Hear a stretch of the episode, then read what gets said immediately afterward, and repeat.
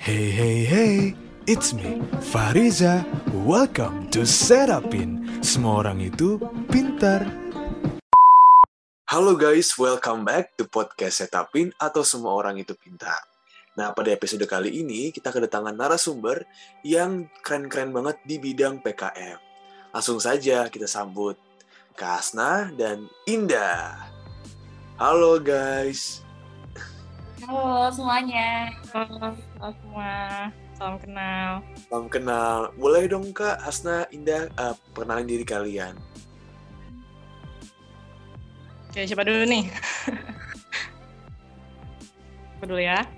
Oke, perkenalkan semuanya. Nama aku Hasna Irbah Ramadhani, biasa dipanggil Hasna, dari Fakultas Kesehatan Masyarakat Angkatan 2018, uh, jurusannya Kesehatan Masyarakat. Tuh, bisa dari Indah.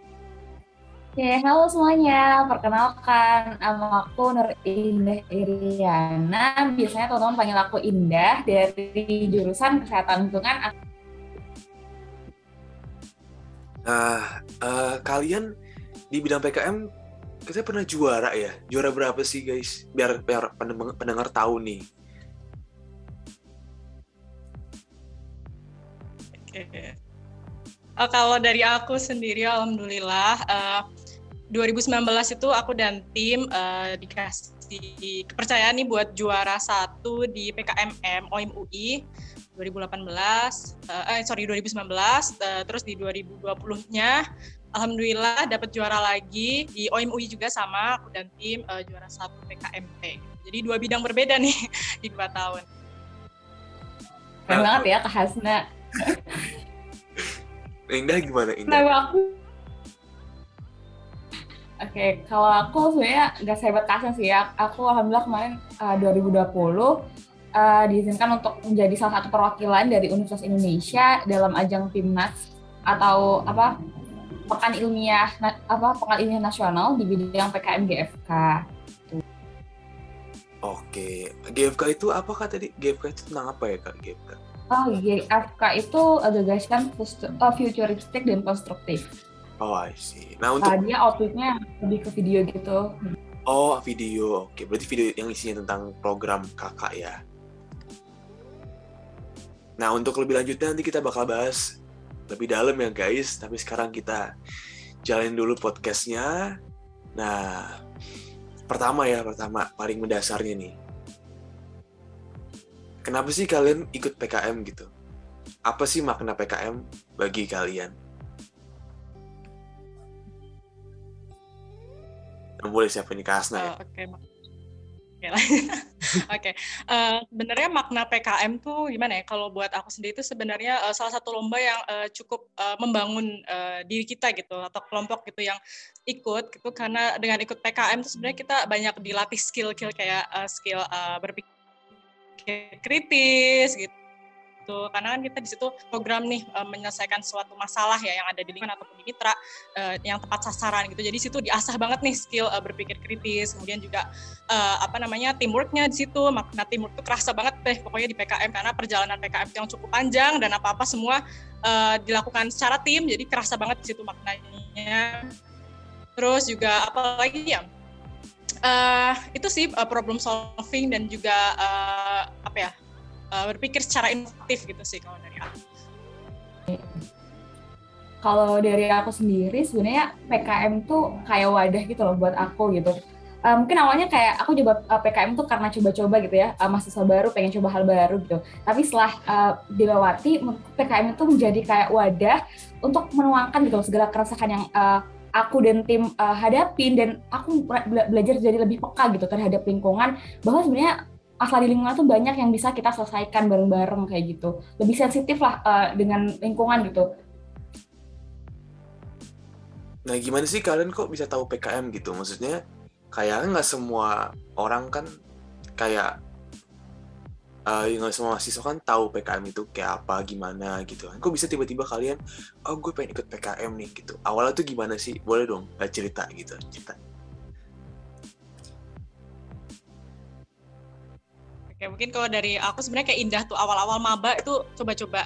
Terus juga uh, ini sih uh, dengar-dengar informasi itu dari cutting-cutting gitu. Karena ada beberapa FKM itu cukup uh, sering gitu ikut PKM terus cutting tuh ada yang sharing gitu kayak yuk ikut PKM gitu. Seru nih. Apalagi kita di UI ada oja, ajang OIM UI ya.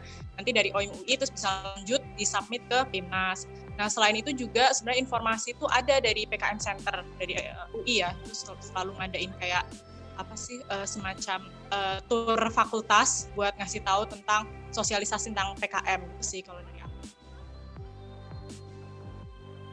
Oke, kalau dari aku sendiri sebenarnya pertama kali banget tahu PKM itu adalah dari teman-teman sih sering cerita gitu ya uh, di kampus lain gitu karena uh, kabarnya sih PKM uh, di kampus lain itu terdengar sedikit prestisius ya, uh, sangat prestisius gitu kayak setara dengan perlombaan mapres, cuma dia dalam bentuk berkelompok gitu kan. Nah terus di situ sebenarnya penasaran banget sih tentang uh, apa PKM, tentang timnas dan sebagainya. Terus ditambah bener banget kata Kak Hasna tadi uh, cutting-cutting FKM uh, waktu kita ini ya, maba itu kan suruh wawancara dan sebagainya. Itu banyak kating-kating yang cerita tentang PKM gitu. Dan itu uh, kepo dan jadi pengen ini sih nyoba aja sih waktu itu. Keren juga ya. Berarti maba tapi udah berani ikut PKM loh. Tapi kalian nggak mikir, kalian nggak mikir ini PKM bakal susah atau gimana gitu. Tapi kalian ikut aja gitu, gas terus gitu. Atau gimana? Iya bener-bener awalnya hanya nggak ngerti ya kayak coba-coba aja kayaknya seru, kayaknya asik, prestisius gitu kayaknya ya lombanya. Jadi iseng aja gitu. Ternyata pas berjalan ya ada kerasa beratnya, cuman uh, ya adalah suka dukanya di situ gitu sih. Oke, kalau Indah gimana tuh Indah? Iya sama banget sih sama Kas. Nah pokoknya yang penting maba mah gas dulu aja, yang penting coba dulu aja. Masalah gagal, masalah hasil itu bukan urusan kita. Yang penting aku nyoba dulu aja biar nggak menyesal pas waktu udah semester atas satu nanti ah aku nggak pernah nyoba kemarin nih. Yang penting sekarang nyoba kan misalkan gagal bisa dicoba lagi di tahun depannya kayak gitu. Yes, aku Iya benar-benar. ya yes, tadi uh, Kak Asna sempat menyinggung nih tadi yang uh, kan kita, kita tahu ya bahwa PKM ini sebenarnya prosesnya tuh panjang gitu ya prosesnya ya. Uh, apa sih yang ngebuat kalian tuh bertahan gitu dalam menjalani proses tersebut gitu? Apakah ada rintangannya kah, suka dukanya, dan bagaimana sih kalian tuh mengatasi rintangan-rintangan tersebut? Uh, ya kalau yang bikin bertahan uh, aku dan tim sebenarnya uh, kebetulan kan pas uh, ikut tuh kan PKMM sampai PKMT itu keduanya kan ada mitra ya kita uh, datang ke mitra survei ngobrol sama pengurus di sana nah itu tuh kayak ya kita ngasih tahu gitu uh, kita share sih lebih kayak mereka sharing uh, problem mereka apa masalah mereka apa lalu uh, kami juga sharing gitu kayak uh, program inovasi dari kami apa, apa aja sih untuk mengatasi masalah di mitra tersebut. Nah setelah kita kayak diskusi itu tuh mereka memberikan respon positif gitu terhadap program yang kami ajukan dan mereka tuh justru kayak berharap besar kayak wah ya semoga bisa terlaksana nih programnya bisa diimplementasikan nih kayak gitu. Nah harapan besar itulah yang uh, membuat uh, kami tuh bertahan gitu kayak wah ternyata ada ya orang di luar sana yang sangat membutuhkan ide dari kita nih kayak gitu. Jadi kita harus bertahan kayak gitu sih. Kalau suka dukanya uh, banyak sih suka dan dukanya. Cuman uh, alhamdulillah sejauh ini yang kerasa sih lebih ke sukanya ya karena ya itu karena um, PKM tuh bener-bener uh, memorable banget terkenang banget gitu sampai saat ini. Sukanya ya itu kita kayak uh, bener-bener uh, diajarin uh, berpikir kritis terus lebih uh, mawas apa ya lebih ya mau sendiri gitu dengan keadaan di lingkungan sekitar, dengan masyarakat sekitar, terus juga uh, nambah wawasan sih karena kita dituntut untuk ya baca-baca banyak jurnal, terus cari-cari informasi lah yang mendukung program yang uh, kita bikin gitu. Terus kalau dukanya ya yang pasti capek ya lelah pikiran dan tenaga itu pasti. Apalagi uh, prosesnya panjang PKM itu berbulan-bulan rasa banget itunya. Terus ya permasalahan internal eksternal tuh pasti ada. Administrasi permasalahan administrasi maupun dengan pihak mitra tuh ya pasti ada. Cuman alhamdulillah uh, terselesaikan dan uh, at the end itu semua kayak terbayarkan gitu pada saat kita bisa berhasil menang lombanya ataupun bisa terrealisasi programnya gitu. Dan sekarang sih yang terkenang sih sukanya sih alhamdulillah. Sehebat itu PKM guys. Tuh guys. Kalau Indah gimana Indah tuh Uh, sebenarnya aku nambahin ya sama punya khasnya sebenarnya hampir sama gitu ya karena prosesnya juga sama yang kita lewatin gitu ya. Mungkin cuma bedanya doang yang beda gitu. Uh, mungkin kalau aku sendiri uh, nambahin sama khasnya itu adalah mungkin tim ya. Uh, tim yang saling menguatkan gitu. Uh, jadi karena tim jadi misalkan kita demot gitu saat, uh, ada ada orang lain gitu ada uh, anggota dari kita yang yang menguatkan kita untuk uh, biar nggak demot gitu kan. Terus semangatnya tim kita gitu buat ngelanjutin itu menurutku jadi apa ya uh, listrik gitu ya bagi aku nyetrum banget gitu biar tetap bisa semangat dan lanjutin nih uh, project kita yang udah kita mulai kayak gitu terus kalau suka dukanya banyak sih bener kata Kak Hasna tadi dan menurutku udah sangat mewakilin sih uh, dari ini. Oh dan salah satu lagi uh, sukanya adalah bisa nambah networking banget. Uh, kita dikumpulkan misalkan dalam satu bidang gitu kan misalkan GFK nanti kita berkumpul gitu sama sama yang GFK gitu kita jadi tahu oh ternyata banyak banget ya ide-ide itu di luar sana yang uh, super super bagus gitu loh yang bisa mungkin kita nanti uh, di kesempatan berikutnya bisa mewujudkan juga gitu hal-hal yang sama kayak gitu gitu nambah wawasan juga sebenarnya. Hmm, I see. Nah, boleh tahu dong uh, tahapan PKM itu ada apa aja sih, guys? Tahapan PKM? Uh, eh, mungkin kalau dari aku sendiri karena belum lolos timnas ya, jadi mungkin uh, lebih ke tahapan PKM secara general. Mungkin nanti untuk yang perpimnasan bisa dari Indah yang detail. Kalau secara uh, general aja, uh, apa namanya? Of course PKM itu bikin proposal ya. Kita ada pembuatan proposal. Uh, yang pertama sih pasti analisis masalah sih sama kalau misalkan PKM yang mitra itu kita survei mitra. Jadi uh, survei mitra sembari kita analisis masalah yang ada di mitra. Jadi uh, usahakan kalau yang bermitra itu kita uh, apa ya solving problemnya itu based on problem yang ada di mitra itu. Nah setelah kita udah uh, analisis masalah, terus juga udah uh, dapat uh, mitranya, uh, selanjutnya kita menyusun programnya itu. Jadi kayak merancang lah bagaimana programnya akan berjalan, seperti apa, apa saja yang dibutuhkan SDM. Uh, dan SDA-nya gitulah peralatan dan lain-lain.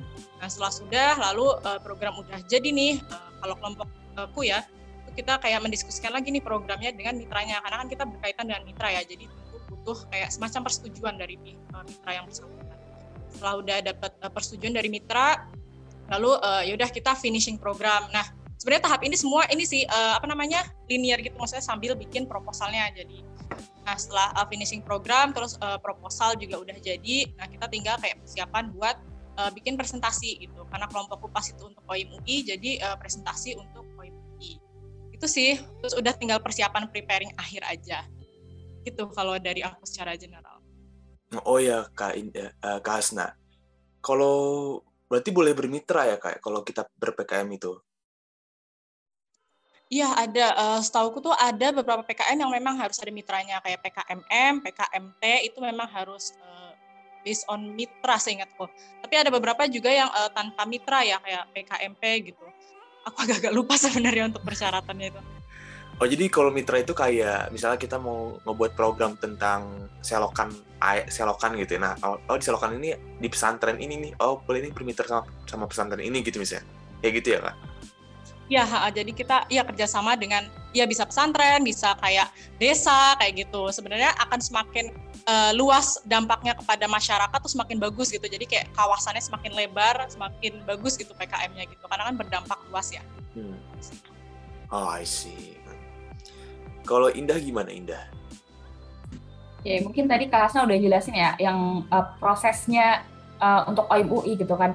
Uh, basically kalau misalkan dari proposalnya sendiri sama sih ya kayak Khas uh, gimana cara buat proposalnya tadi. Jadi kalau misalkan mungkin bedanya kalau di Pimnas itu uh, dia habis buat proposal tadi uh, ada apa ya kayak revisi gitu dari UI. Kita kumpulin dulu uh, proposal kita di UI, nanti UI akan um, apa ya semacam ngoreksi gitu ya, mengkoreksi gitu apakah ada salah-salah administrasi dan lain sebagainya.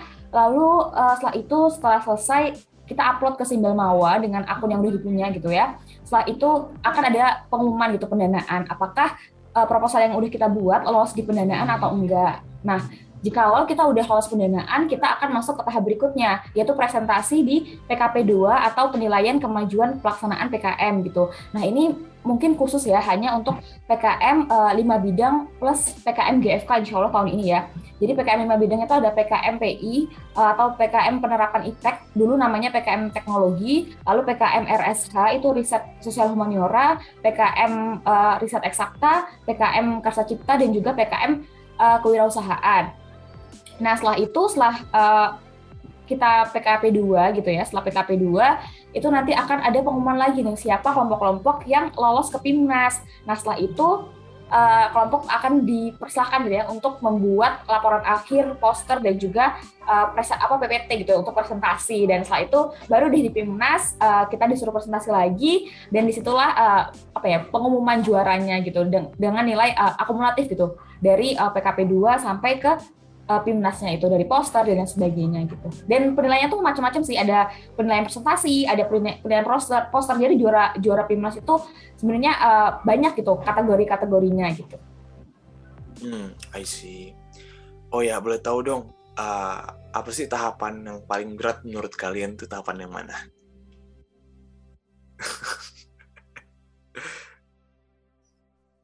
Kalau dari aku tahapan paling berat mungkin uh, mencari ide ya, kayaknya lebih kerasa gitu. Karena uh, sepa, apa namanya sepanjang berbulan-bulan itu kita pasti merumuskan ide sih paling mayoritas. Karena kayak gimana idenya itu benar-benar harus uh, tepat sasaran kemudian juga uh, sustain ya sustainable. Jadi yang diharapkan dari PKM itu kan kita bisa bikin program yang nanti bisa terus berlanjut gitu meskipun kita sudah selesai mengintervensi. Nah, uh, selain sustain juga bikin program yang gimana tuh bisa efisien gitu. Jadi uh, apa ya, tidak membutuhkan banyak biaya itu sih dan itu yang paling kerasa kayak aduh gimana ya bikin program yang uh, benar-benar bisa memenuhi kriteria itu gitu. Itu sih kalau dari aku dan kelompok. Nah, kalau Indah gimana nih Indah? Sejujurnya sama ya, perumusan ide itu adalah hal yang paling lama banget dalam penyusunan ini PKM. Tapi mungkin kalau dari tahapan yang aku lewatin, yang paling susah ya emang itu sih uh, penyusunan ide dan juga proposal gitu. Itu butuh butuh banyak baca, butuh banyak riset, butuh banyak uh, tenaga banget lah di situ. Tapi kalau udah ngelewatin kayak uh, presentasi dan sebagainya, menurutku tuh udah lumayan enjoy dan dan kita uh, bisa lah untuk preparing hal tersebut kayak gitu sih. Hmm, I see. Nah, uh, guys, kira-kira selama kalian ikut PKM nih, ada nggak hal-hal yang masa-masa atau suatu titik di mana ketu kalian paling jatuh atau berat atau jenuh gitu pernah nggak pas saat masa-masa PKM gitu? Momen yang paling bikin kalian kayak paling bikin ngedown ya semacamnya lah gitu. Nanti gimana sih cara kalian bangkit dari situ?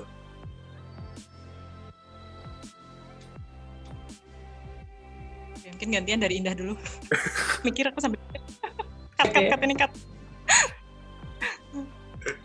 Oke, okay, mungkin kalau aku dari ini ya, serangkaian perjalanan menuju PIMNAS, hal yang paling bikin aku down itu ketika uh, mau ke PIMNASnya gitu.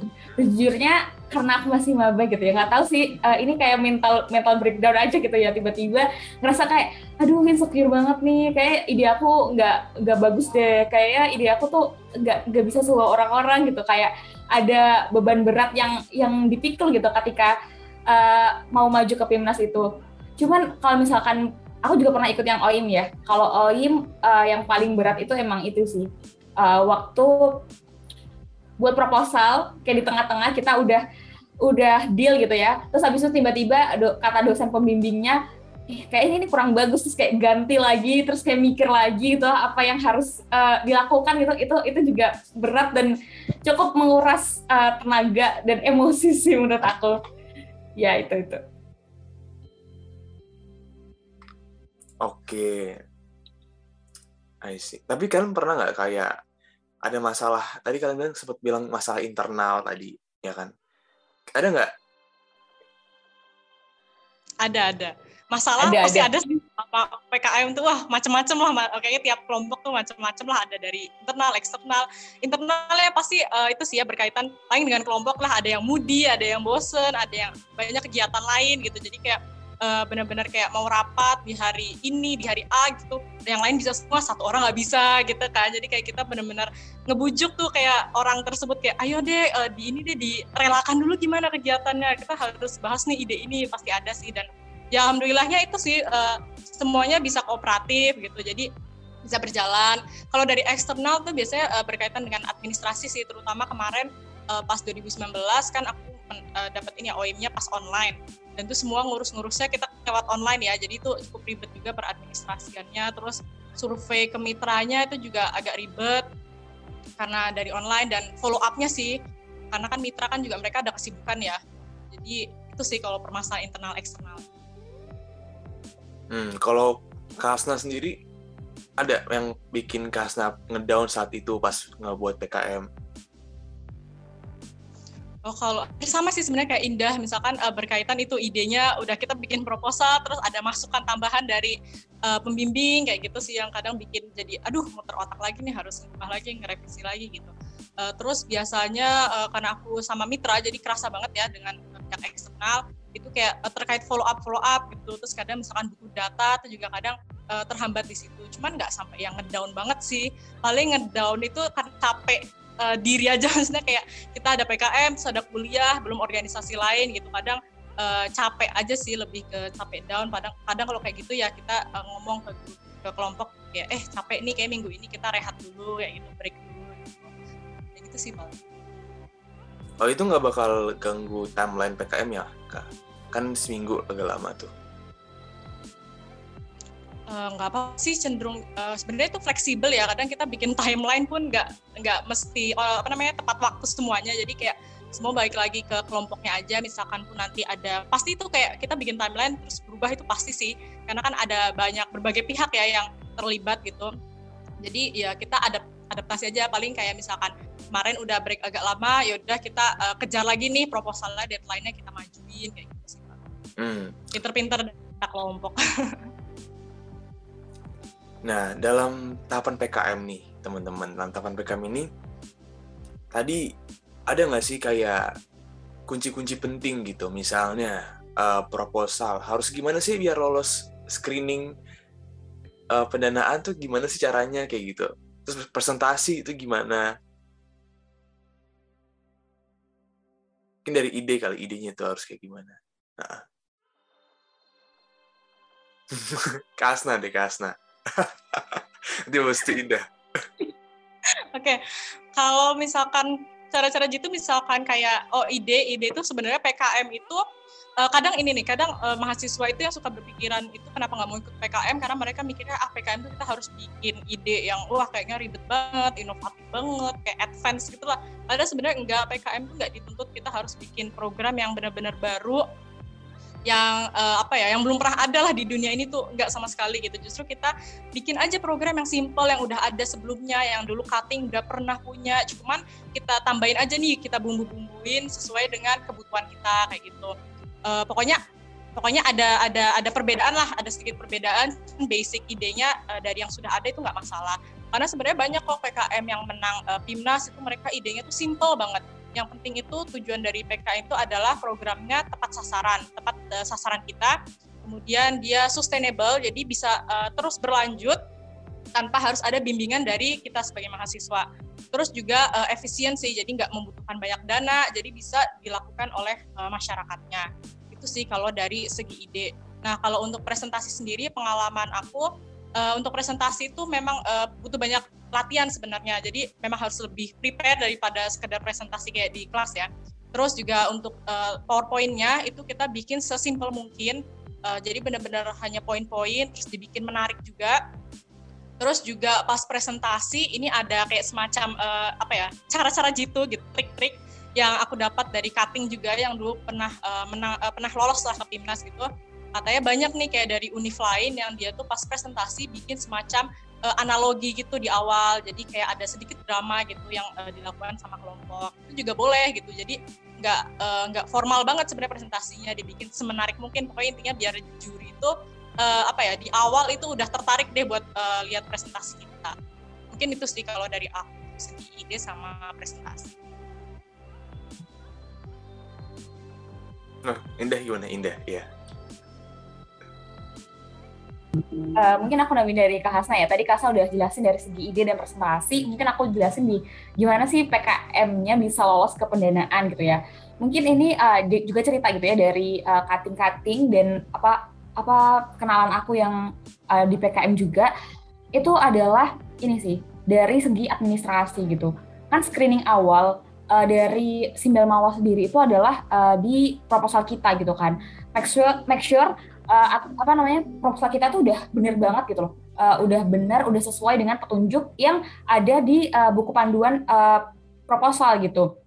Karena uh, meskipun ya ide kita sebagus apa pun kalau syarat administrasi gitu ya uh, yang diminta oleh simbel mawa oleh dikti gitu ya tidak kita penuhin itu akan uh, ya udah sia-sia gitu proposal kita gitu itu misalkan peletakan uh, nom nomor halaman atau misalkan judulnya tidak boleh lebih dari 20 kata itu juga sangat uh, krusial gitu makanya proses administrasi ini memang cukup panjang dan melelahkan dan itu biasanya sih yang yang jadi bikin anak-anak UI agak males gitu ikutan PKM gitu itu sih ya Iya benar-benar mau nambahin dikit jadi keinget tentang administrasi, uh, terutama ke PIMNAS. Jadi uh, dapat bocoran juga dari cutting. Uh, kenapa administrasi itu penting? Karena dari pas kita sampai PIMNAS itu kan ribuan proposal ya yang masuk ke apa namanya simbol mawa. Nah mereka tuh kenapa screening dari segi administrasi kayak segi penulisan, terus pokoknya harus sesuai dengan template mereka apa enggak? Yaitu karena sebagai syarat. Jadi karena mereka proposal banyak, pas ngelihat misalkan proposal